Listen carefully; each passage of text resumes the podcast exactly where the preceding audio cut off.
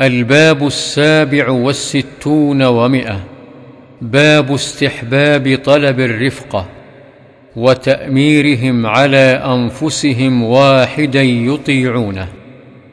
عن ابن عمر رضي الله عنهما قال قال رسول الله صلى الله عليه وسلم لو أن الناس يعلمون من الوحدة ما أعلم ما سار راكب بليل وحده رواه البخاري.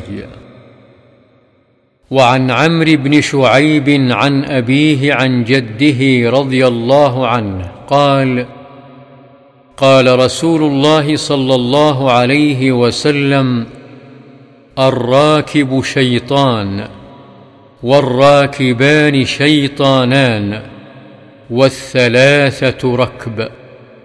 رواه أبو داود والترمذي والنسائي بأسانيد صحيحة وقال الترمذي حديث حسن.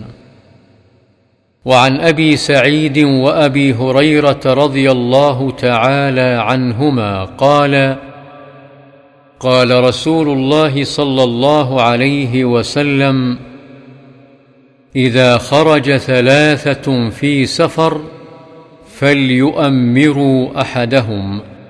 حديث حسن. رواه أبو داود بإسناد حسن. وعن ابن عباس رضي الله عنهما. عن النبي صلى الله عليه وسلم قال خير الصحابة أربعة وخير السرايا أربعمائة.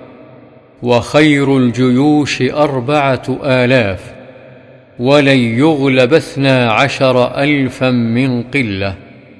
رواه أبو داود والترمذي وقال حديث حسن.